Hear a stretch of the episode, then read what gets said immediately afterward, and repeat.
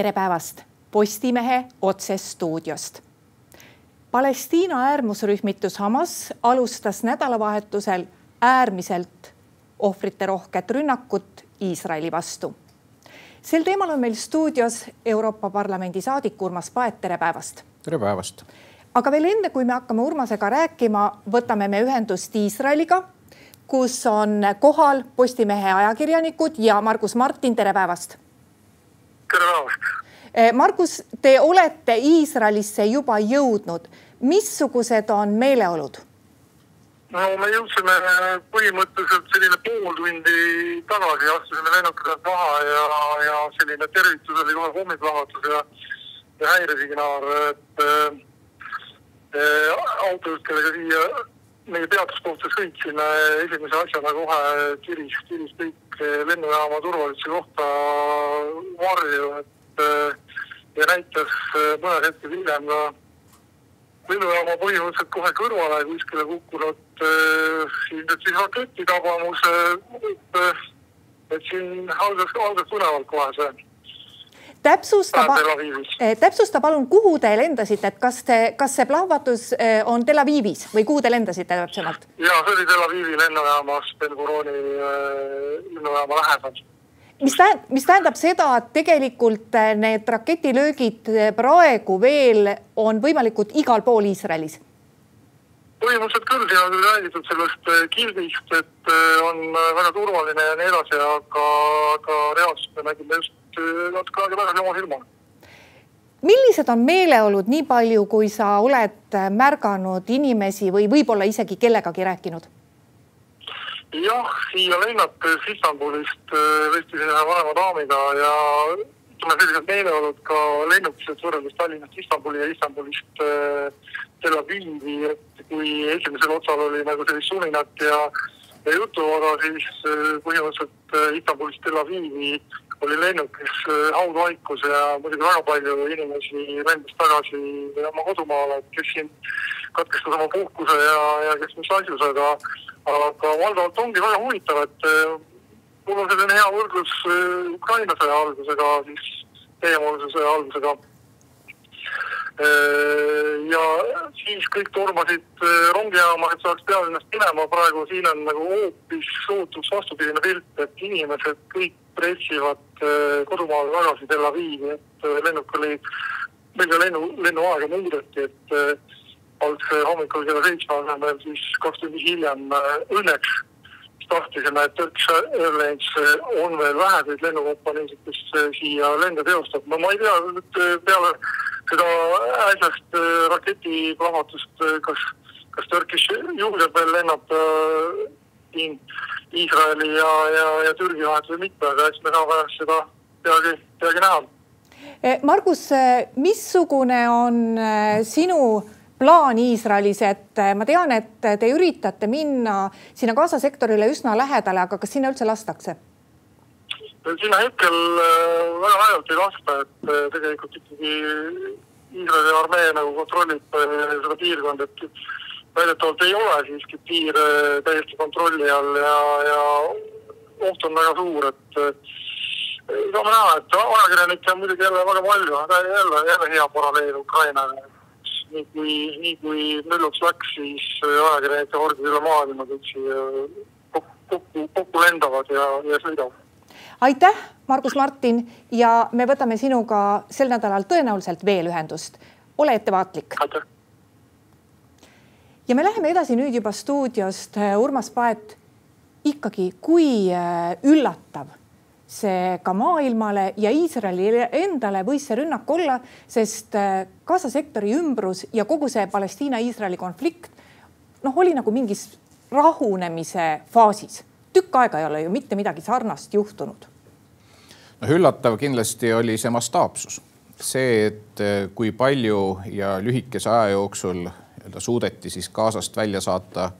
rakette ja muidugi ka see, et sealt reaalselt äh, siis võitlejad sisenesid Iisraeli territooriumile ja juba esimeste tundidega tegid väga palju kahju, tapsid palju inimesi ja, ja röövisid palju inimesi. nii et see rünnaku mastaap ja intensiivsus kindlasti näib, et oli üllatav, sest noh, vastasel korral, kui see ei oleks üllatav, siis oleks selliseks asjaks oldud paremini ette valmistatud kas Hamas suutis või kas ta on, on võimeline seda kõike üksi tegema või me peame ikkagi praegu arvama, et äh, tal on tublisti toetajaid mujalt veel? no peamine toetaja on ju kogu aeg olnud Iraan ja ega ka antud juhul see, et äh, ta kogub relvastust, äh, varustust olukorras, kus tegelikult Iisrael on ju Gaza sisuliselt blokeerinud juba aastaid. et nii-öelda Iisraeli poole pealt Gazasse pääsemine noh, sisuliselt peaks olema vähemalt võimatu, nii et ainukesed ühendusteed on siis lõuna poolt Egiptusesse, need kurikuulsad tunnelid ja, ja võib-olla ka natukene merd mööda. nii et üldiselt need varustuskanalid noh, on, on väga napid, mis tähendab, et ka sellise rünnaku ettevalmistamine on ikkagi võtnud päris palju aega et koguda kokku kõike seda, aga jah, kui vaadata Hamasi nii-öelda taustajõude, et siis äh, riikidena on see peamine toetaja olnud Iraan ja noh, ka siis muid äh, islami äärmusorganisatsioone, kes siis nii-öelda jõudumööda äh, abistavad no jääb ikka see eh, üks küsimus, et miks just praegu, et kas selle põhjuseks võis olla asjaolu, nagu mõned analüütikud ütlevad, et Iisrael, noh, ta on ju olnud aastaid ikkagi oma naaberriikidest suhteliselt isoleeritud, et Iisraelil hakkasid natukene siiski need suhted Araabia maadega ja ümbritsevate riikidega kuidagi leebuma või, või Iisraeli isolatsioon tundub, et ei ole enam nii suur. No miks just praegu, ma arvan, et siin on kokku langenud mitu asja, mille pärast Hamas ja tema tagaseisvad jõud otsustasid, et nüüd on siis see rünnaku aeg. et no ühelt poolt äh, puht see tehniline pool ehk ilmselt siis Hamas ise oli jõudnud nüüd sellisesse valmidusse, et neil oli võimalik selline üllatusrünnak ja mastaapne rünnak korraldada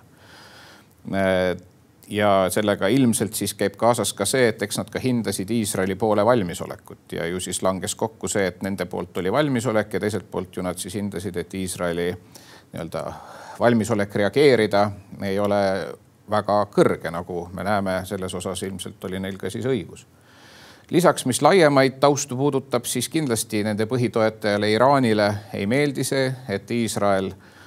on parandamas suhteid näiteks Araabia poolsaare riikidega, Saudi Araabiaga ja teistega. lisaks ei meeldi kindlasti Iraanile ka see, et seal on Ameerika Ühendriigid väga otseselt seotud ehk Ameerika Ühendriikide mõju äh, siis ka islamiriikide seas, ennekõike Araabia poolsaarel on viimastel aegadel kasvanud just selle Iisraeli ja siis Saudi Araabia ja teiste Araabia poolsaare riikide nii-öelda suhete vahendustegevuse kaudu kindlasti ei meeldi see areng ka Venemaale, et Ameerika Ühendriikide roll eh, seal laiemas Lähis-Idas eh, nii-öelda on jälle kasvamas ja on kasvamas selles mõttes positiivselt, et suudetakse vanu vastalisi lepitada. nii et noh, me võime ka rääkida ka Venemaast muidugi kui jätkuvalt ikkagi ühest tegurist kogu selles Lähis-Ida konfliktistikus, noh ka seal kõrval Süürias on Venemaal olnud suur roll, Venemaal on siiani seal ju baasid äh, ka mitte kaugel Iisraeli piiridest ja, ja kindlasti jah, ka Venemaale. ühelt poolt ei meeldi Ameerika Ühendriikide kasvav roll ja teisalt noh, ka Vene-Ukraina sõda, et, et kindlasti on see Venemaa huvides, kui maailma tähelepanu, sealhulgas Ameerika Ühendriikide tähelepanu äh, järjest rohkem hajub, et ta ei ole kontsentreeritud ainult äh, siis sõjale Ukrainas niikuinii. Hiina agressiivsus näiteks Taiwan'i ja, ja muus osas seal piirkonnas on seda tähelepanu juba hajutanud ja noh, nüüd akuutne uus siis rünnak ja konflikt Iisraelis muidugi tõmbab Ühendriikide tähelepanu nii-öelda veelgi laiemaks, nii et ka see aspekt kindlasti näiteks, kui me räägime Venemaast, kes on ju ka suur Iraani liitlane olnud ja, ja Lähis-Ida probleemistikus nii-öelda läänega vastasseisus, et, et ka tema motiivid on seal kindlasti olemas. no kui vaadata neid intervjuusid, mis on tehtud inimestega, kes otseselt jäid selle rünnaku alla siis noh, eriti need muusikafestivalil osalejad, kes räägivad seda, et noh, nad tunde ootasid, et sõjavägi ja politsei tuleks appi, aga mitte kedagi ei tulnud. Eh, Iisrael on hambuni relvastatud riik ja Iisrael tegelikult suutnuks koheselt sellele vastata. Nad ikkagi ei oodanud seda rünnakut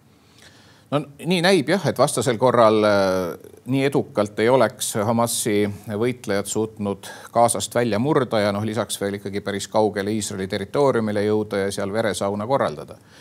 Nii et kui põhimõtteliselt muidugi ju Iisraelil on see teadmine ja valmisolek äh, olemas, et, et iga hetk võib midagi juhtuda, aga noh, kui nüüd konkreetseks ja detailseks minna, siis hoolimata sellest näib, et antud juhul Hamas ja, ja tema toetajad suutsid Iisraeli halvasti üllatada, jah. no Iisrael on äh, hakanud andma vastulööke, kuigi veel eile hommikul tundus, et see Iisraeli territoorium nendest, nendest terroristidest on vabastatud, siis täna juba jälle tundub, et noh, et tegelikult ikkagi päriselt ei ole. et äh, kui kaugele võib Iisrael oma vastulöökides minna, sest et tõenäoliselt me seda kogu seda ilutulestikku seal veel näinud ei ole. see on alles algus, mis, mis praegu Iisrael on teinud Gaza vastu. jah, mina muidugi ka ilutulestikuks seda ei nimetanud, nii nimetaks, sest eks tsiviilohvrite arv saab olema väga kõrge, sest arvestades kasvõi sedasama näiteks Gaza sektorit, kui väiksel alal, kui palju inimesi seal on siis see saab kõik olema lõppkokkuvõttes nii Iisraeli kui, äh, kui Gaza poolt väga ohvriterohke. ja noh, ilmselt siin on kaks etappi tulemas, üks on siis see praegune akuutne, et äh, nii-öelda suruda maha kõik need võitlejad, kes on jõudnud Iisraeli territooriumile, et puhastada Iisraeli territoorium Hamasi võitlejatest ja siis uuesti Gaza sektori ja Iisraeli vaheline piir kindlustada sellega muidugi kaasnevad ka siis juba praegu, eks ole, otserünnakud äh, Gazasse, kus siis eeldatakse, et on Hamasi juhtkonnad või, või veel võitlejaid, keda siis tuleks likvideerida. ja noh, ei saa muidugi välistada, et järgneb siis teine etapp, mis on siis juba selline äh, ühtepidi karistusaktsioon selle eest, mis tehti ja, ja teisalt siis ka veel kord, et ikkagi tulevikus Hamasi võimekust nii-öelda võimalikult alla saada, et võimalikult palju Hamasiga seotud tegelasi, nende juhte, nende võitlejaid, võitlejate juhte füüsiliselt likvideerida. no terroristid võtsid ka üle saja pantvangi, seal on tsiviilisikuid, seal on ka sõjaväelasi, seal on politseinikke. kui suured on võimalused need sealt Gazast kätte saada, need pantvangid? no seda on varem ju ka nähtud sellesama Iisraeli ja, ja Hamasi ja Iisraeli-Palestiina suhetes, kus on, võetakse pantvange ja siis algavad läbirääkimised, mis võivad kesta, noh, oleneb asjaoludest, väga kaua. ja tihti tulemus on siis see, et mm, nii-öelda suhteliselt väheste Iisraeli kodanike eest on siis Iisrael olnud sunnitud vabastama päris suurel hulgal palestiinlastest vange Iisraeli vanglatest näiteks. et, et kindlasti me näeme seda faasi ka jah tulemas, kus äh, siis Hamas äh, esitab mingil hetkel mingid nõudmised, et need inimesed siis vabaks saaksid mis need nõudmised on, need ei pruugi piirduda ainult sellega, et tahetakse saada oma võitlejaid kätte Iisraeli vanglates, seal võib olla ka igasuguseid muid eh, suuremaid nõudmisi juures, aga noh, see on tulevik, aga selge, et neid eh, inimesi, kelle praeguseks on Hamas suutnud vangistada, neid Iisraeli kodanikke hakatakse kasutama eh, kaubana ja ilmselgelt kruvitakse sellele kaubale kõrge hind, sest noh, Iisraeli ühiskond kindlasti on selline, kus inimelud on kõrges hinnas no kui me äh, vaatame nüüd, räägime, tuleme selle juurde tagasi, et äh, missugune on sellele konfliktile reageering maailmas, siis äh, ÜRO Julgeolekunõukogu, mis noh, meie aja järgi siin öösel kogunes mingit hinnangut ei andnud, uudised ütlevad, et mõned ÜRO Julgeolekunõukogu liikmed mõistsid Hamasi tegevuse hukka, aga seda oligi oodata no kahjuks jah, et kui on sellised ikkagi väga teravad konfliktid, ennekõike konfliktid, mis on ka mingite väärtussüsteemidega seotud, siis ÜRO Julgeolekunõukogu juba hulk aega ei suuda teha ühtegi otsust, sest ta on tänu vetoõigusele piisab ühest riigist ja mingit otsust ei tule, kes on siis teisel arvamusel. Ja noh, antud juhul ikkagi see polariseerumine, autoritaarne maailm ühelt poolt ehk antud juhul Venemaa ja Hiina ja teiselt poolt siis demokraatliku maailma esindajad, Ühendriigid, Prantsusmaa ja Suurbritannia ei nemad kokku lepi sellistes asjades ÜRO Julgeolekunõukogus, nii et ÜRO Julgeolekunõukogust on palju eeldada, et äh, selles konfliktis tuleb üht või teist poolt äh, kuidagi eelistavat seisukohta. sest äh, noh, nagu enne sai ka nimetatud, Venemaal on otseselt huvid laiemas Lähis-Idas. kindlasti ka Venemaa ja Hiina autoritaarse maailma suurte esindajatena on järjest lähenenud, mida lähitulevikus paraku näeme järjest rohkem ka praktilises käitumises, nii et äh, see on see reaalsus, jah. Äh, üsna ruttu Iisraeli valitsus võttis vastu otsuse, et äh, Iisrael on sõjas ja kuulutaski ametlikult välja sõja. mida see võiks Iisraeli jaoks tähendada, et noh, Iisraelis ju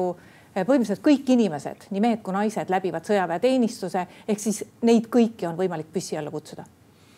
no üldmobilisatsioon selles mõttes muidugi on võimalik ja, ja ma usun, et osaliselt seda ka ilmselt tehakse noh, laiemas pildis, mis see tähendab, eks see on kindlasti Iisraelile ka tagasilöök, et äh, Iisraeli majandusele näiteks äh, kindlasti on see tagasilöök. noh, on küsimus ka selles, mida ju siin ka nendel päevadel on arutatud, aga noh, ega keegi ju vastust ei tea, kas see jääb praegu ainult selliseks Hamasi ühekordseks, no ikkagi päris suureks rünnakuks või on äh, tulemas midagi veel, näiteks äh, Hezbollah poole pealt, eks ole, sealt Lõuna-Liibanonist või suisa ka Süüria territooriumilt midagi, sest noh, ega Iisraelil paraku kogu see ümbruskond on väga vaenulik.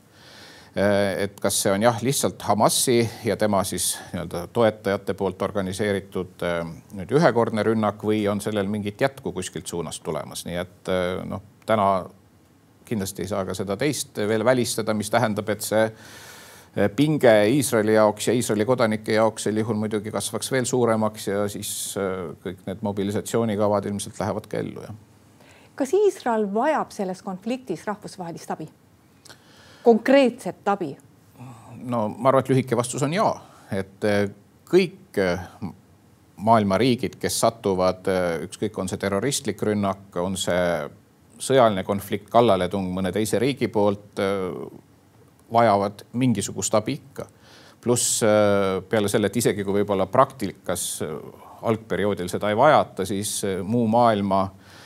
nii-öelda solidaarsuse ja toetuse näitamisena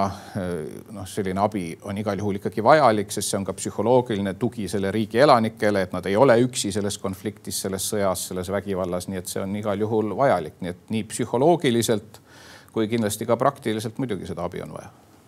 Iisraeli peaminister eh, on ka öelnud, et eh, need inimesed, kes Gazas ei tahaks nende Iisraeli rünnakute alla jääda, võiksid Gazast lahkuda. iseküsimus on see, et kuhu on sealt lahkuda, sealt ei ole ju väga palju kusagile minna ja kas me peame kartma Euroopas praegu seonduvalt sellest konfliktist uut suurt põgenikelainet no otseselt äh,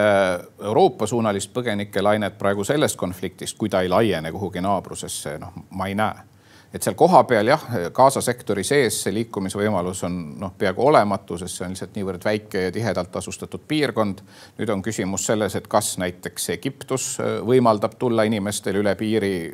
et Egiptuse territooriumil saada varjupaika, sest iseenesest see on võimalik Gaza lõunaosast Egiptusesse minna kuigi elu on näidanud, et ega ka hoolimata oma poliitilisest retoorikast üldiselt teised Araabia riigid piirkonnas ei ole Palestiina põgenike suhtes nagu väga avatud olnud et noh, iseenesest jah, see on võimalik. teine küsimus on see, et, et Palestiinal on ju ka teine territoorium ehk läänekalda alad. Need ei ole füüsiliselt omavahel ühendatud, nii et noh, ma ei tea, kuidas Iisrael näiteks seda mõtleb või kas ta üldse seda peab võimalikuks, et osa inimesi võib liikuda siis Gaza sektorist näiteks läänekalda territooriumile, aga selleks nad peavad läbima muu Iisraeli territooriumi ja ma ei pea seda tõenäoliseks, et praeguses olukorras Iisrael seda kuidagi võimaldab ja noh, see on ju üldse omaette lugu, kuidas on, eks ole, kaks Palestiina territooriumi, mis ka omavahel suurt läbi ei saa, ühel pool, eks ole, Hamas Gazas ja teiselt poolt siis nii-öelda mõõdukamad jõud Palestiina omavalitsusest läänekaldal seda elu seal korraldavad, aga omavahel nad liiga hästi ei klapi, mis on ka üks probleeme, miks kogu see konflikt on kogu aeg veninud ja, ja mingisugusest reaalsest kahe riigi lahendusest praktikas pole asja saanud. nii et jah, aga kui põgenikest rääkida, siis noh, ainuke nii-öelda reaalne võimalus füüsiliselt on see, et kui Egiptus lubab nendel inimestel, kes tahavad varju saada, tulla oma territooriumile. aitäh, Urmas Paet tulemast saatesse. ja aitäh ka kõigile neile, kes meid vaatasid. Postimehe järgmine otsesaade on eetris juba homme. seniks lugege uudiseid postimees.ee. thank you